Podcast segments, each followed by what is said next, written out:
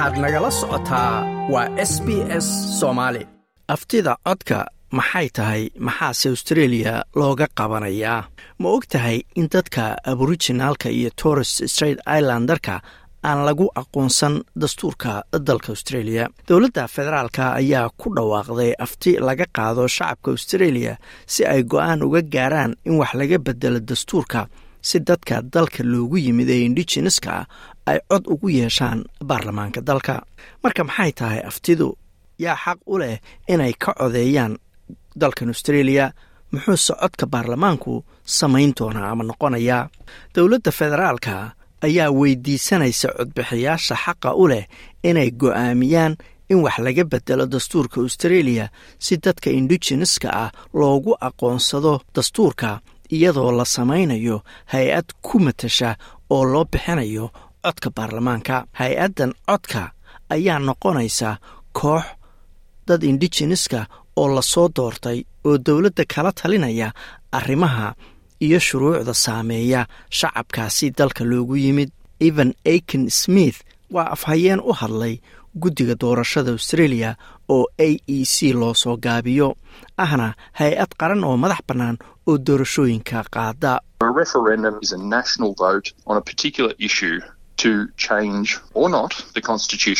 Aftidu waa codayn qaran oo hal arrin oo gaara loo codaynayo taasoo ah in dastuurka wax laga bedelo ama aan laga bedelin sida keliya ee dastuurka lagu bedeli karo waa in shacabka cod looga qaado baarlamaanku awooddaasi ma laha. Dastuurka ayaa go'aamiya sida dowladda federaalka ay u shaqayso wuxuu go'aamiyaa oo gundhig u yahay sida dowladda federaalka ah kuwa gobollada iyo shacabku ay u wada shaqeeyaan oo ay ku jirto nooca shuruuc ee baarlamaanka federaalka iyo dowlad goboleedyadu ay samayn karaan. Shacabka ayaa la weydiinayaa inay haa ama maya ugu codeeyaan su'aashan. Hindisa sharciyeed in la bedelo dastuurka si loogu garawsado dadka dalkan australia loogu yimid iyada oo la abuurayo ama la aasaasayo cod ay leeyihiin shacabka aborijinaalka iyo torrest straight islandarku ma ansixinaysaa hindisahan isbeddelka. Afhayeenka a a c aiken smith ayaa sharaxaya in si aftidu u guulaysato loo baahan yahay inay hesho taageerada laba aqlabiyadood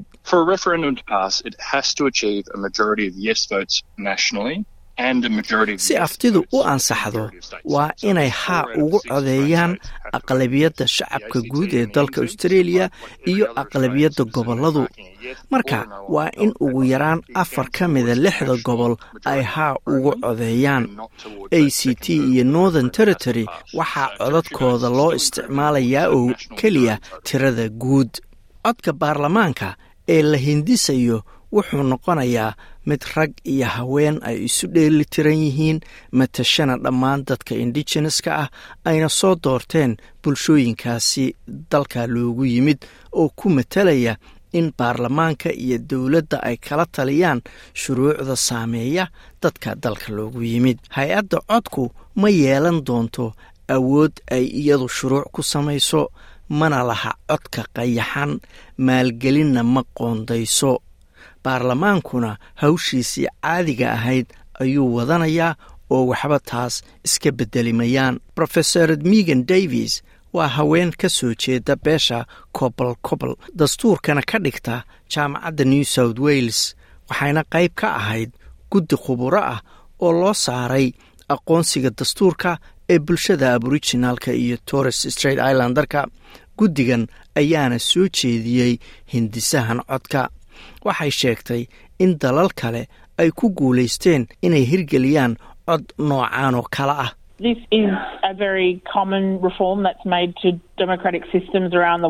tani waa isbeddel caadiya oo nidaamyo dimuqraadiya oo caalamka oo dhana lagu sameeyey si loo xaqiijiyo in codka dadka indigeneska la dhagaysto marka dowladdu shuruuc iyo siyaasad iyaga khuseeyo ay samaynayso.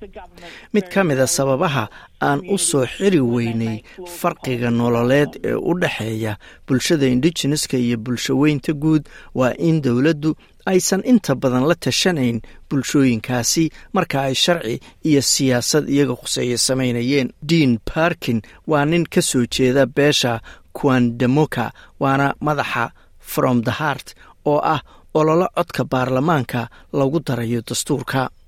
Wuxuu aaminsan yahay in codku ka caawinayo ballanqaadka heer aaya ka oo ay dadka dalka loogu yimid helaan maadaama ay tahay in dowladdu ay dhegaysato bulshooyinkaasi caqabadaha haysta cid ka taqaan aysan jirin ama iyagu yihiin kuwa aadka u garanaya.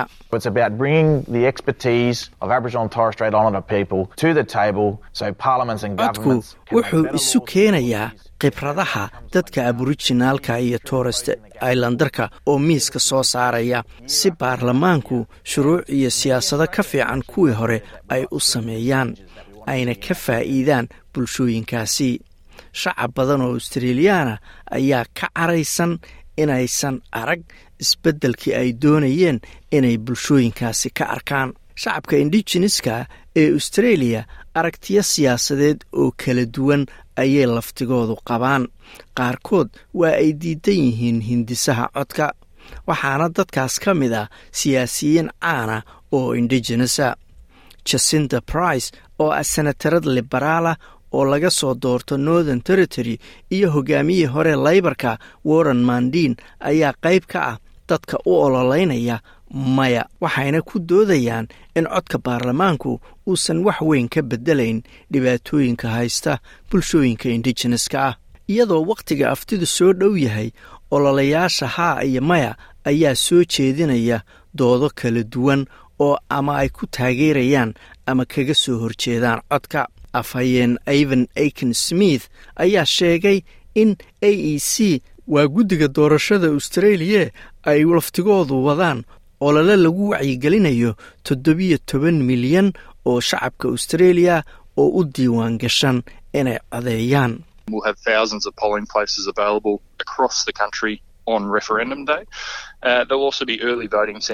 waxaan kumanaan goobood oo lagu codeeyo ka samaynaynaa dalka oo dhan maalinta aftida. waxaa sidoo kale jiri doonaa xarumo dadku ay hore ugu sii codayn karaan toddobaadyo ka hor maalinta codbixinta. Marka haddii aadan maalintaas codayn karin waxaad tegi kartaa goobaha hore looga codayn karo waxaan kaloo fududaynaynaa in dalka dibaddiisa laga codeeyo in boostada lagu codeeyo iyo sidoo kale in dadka aragga naafada ka ah ay telefoon ku codayn karaan. Taariikhiyan in lagu qanciyo shacabka australia in dastuurka la beddelo ma ahayn mid sahlan. Wixii ka dambeeyey markii dalku noqday federaal kun iyo sagaal boqoliyo kowdii siddeed aftiyood oo keliya ayaa ka guulaystay afartan iyo afar aftiyood oo la qabtay. Aftidii u dambeysay ee loo qabto arrimaha dadka indigeneska waxay ahayd kun iyo sagaal boqoliyo lixdan iyo toddobadii. Guushii laga gaaray aftidaasna waxay u ogolaatay in shacabka indigeneska ah loo aqoonsaday inay australiyaan noqdaan oo lagu daro tirakoobka dalka. Marka ay noqoto sida loogu codaynayo aftida soo socota waxaad warqadda codaynta ku qoraysaa oo keliya haa ama maya. Pat calanan wuxuu ka tirsan yahay guddiga doorashada wuxuuna sharaxayaa inay jiraan macluumaad kala duwan oo ay codbixiyaashu heli karaan. Waxaa jiri doonaa macluumaad lagu turjumay in ka badan soddon luqadood oo laga heli karo websaytekeenna iyo telefoon loo diro adeegyada turjubaanka. Haddii aad u diiwaan gashan tahay inaad ka qayb qaadato doorashooyinka caadigaa ee kale waxaad sidoo kale xaq u leedahay inaad u codayso aftidan. Tan ayaa macnaheedu yahay in codaynta aftidu khasab ku tahay dhammaan muwaadiniinta diiwaan gashan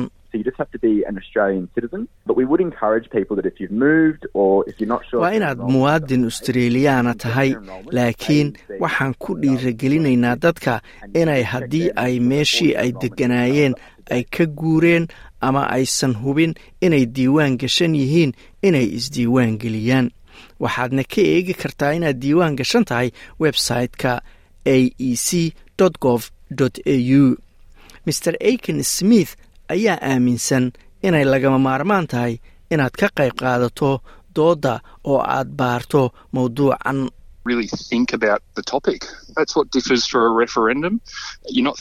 Si fiican uga fakar mawduuca waana waxa aftidu uga duwan tahay doorashooyinka kale.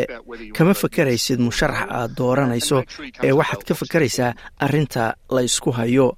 Marka si taxadar la u baar ka fiirso inaad haa ama maya u codayso hubina inaad qolka aad ku codaynaysa gasho adoo macluumaad kugu filan haysta ama ka dharagsan mawduucan.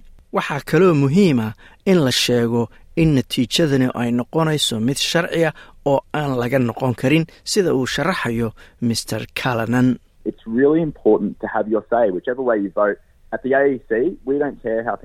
runtii waa lagama maarmaan inaad codkaaga dhiibato dhinaca doontaba u codeeye. Annagu ma kala jeclin dhinaca ay dadku u codeeyaan. Waxaan rabno keliya waa in dadku codeeyaan. Waxaana ku dhiiragelinaynaa dadku inay si fiican uga fiirsadaan ugana fakaraan arrintan like aas la wadaag wax ka dheh lana soco barta facebooka ee sb s soomaali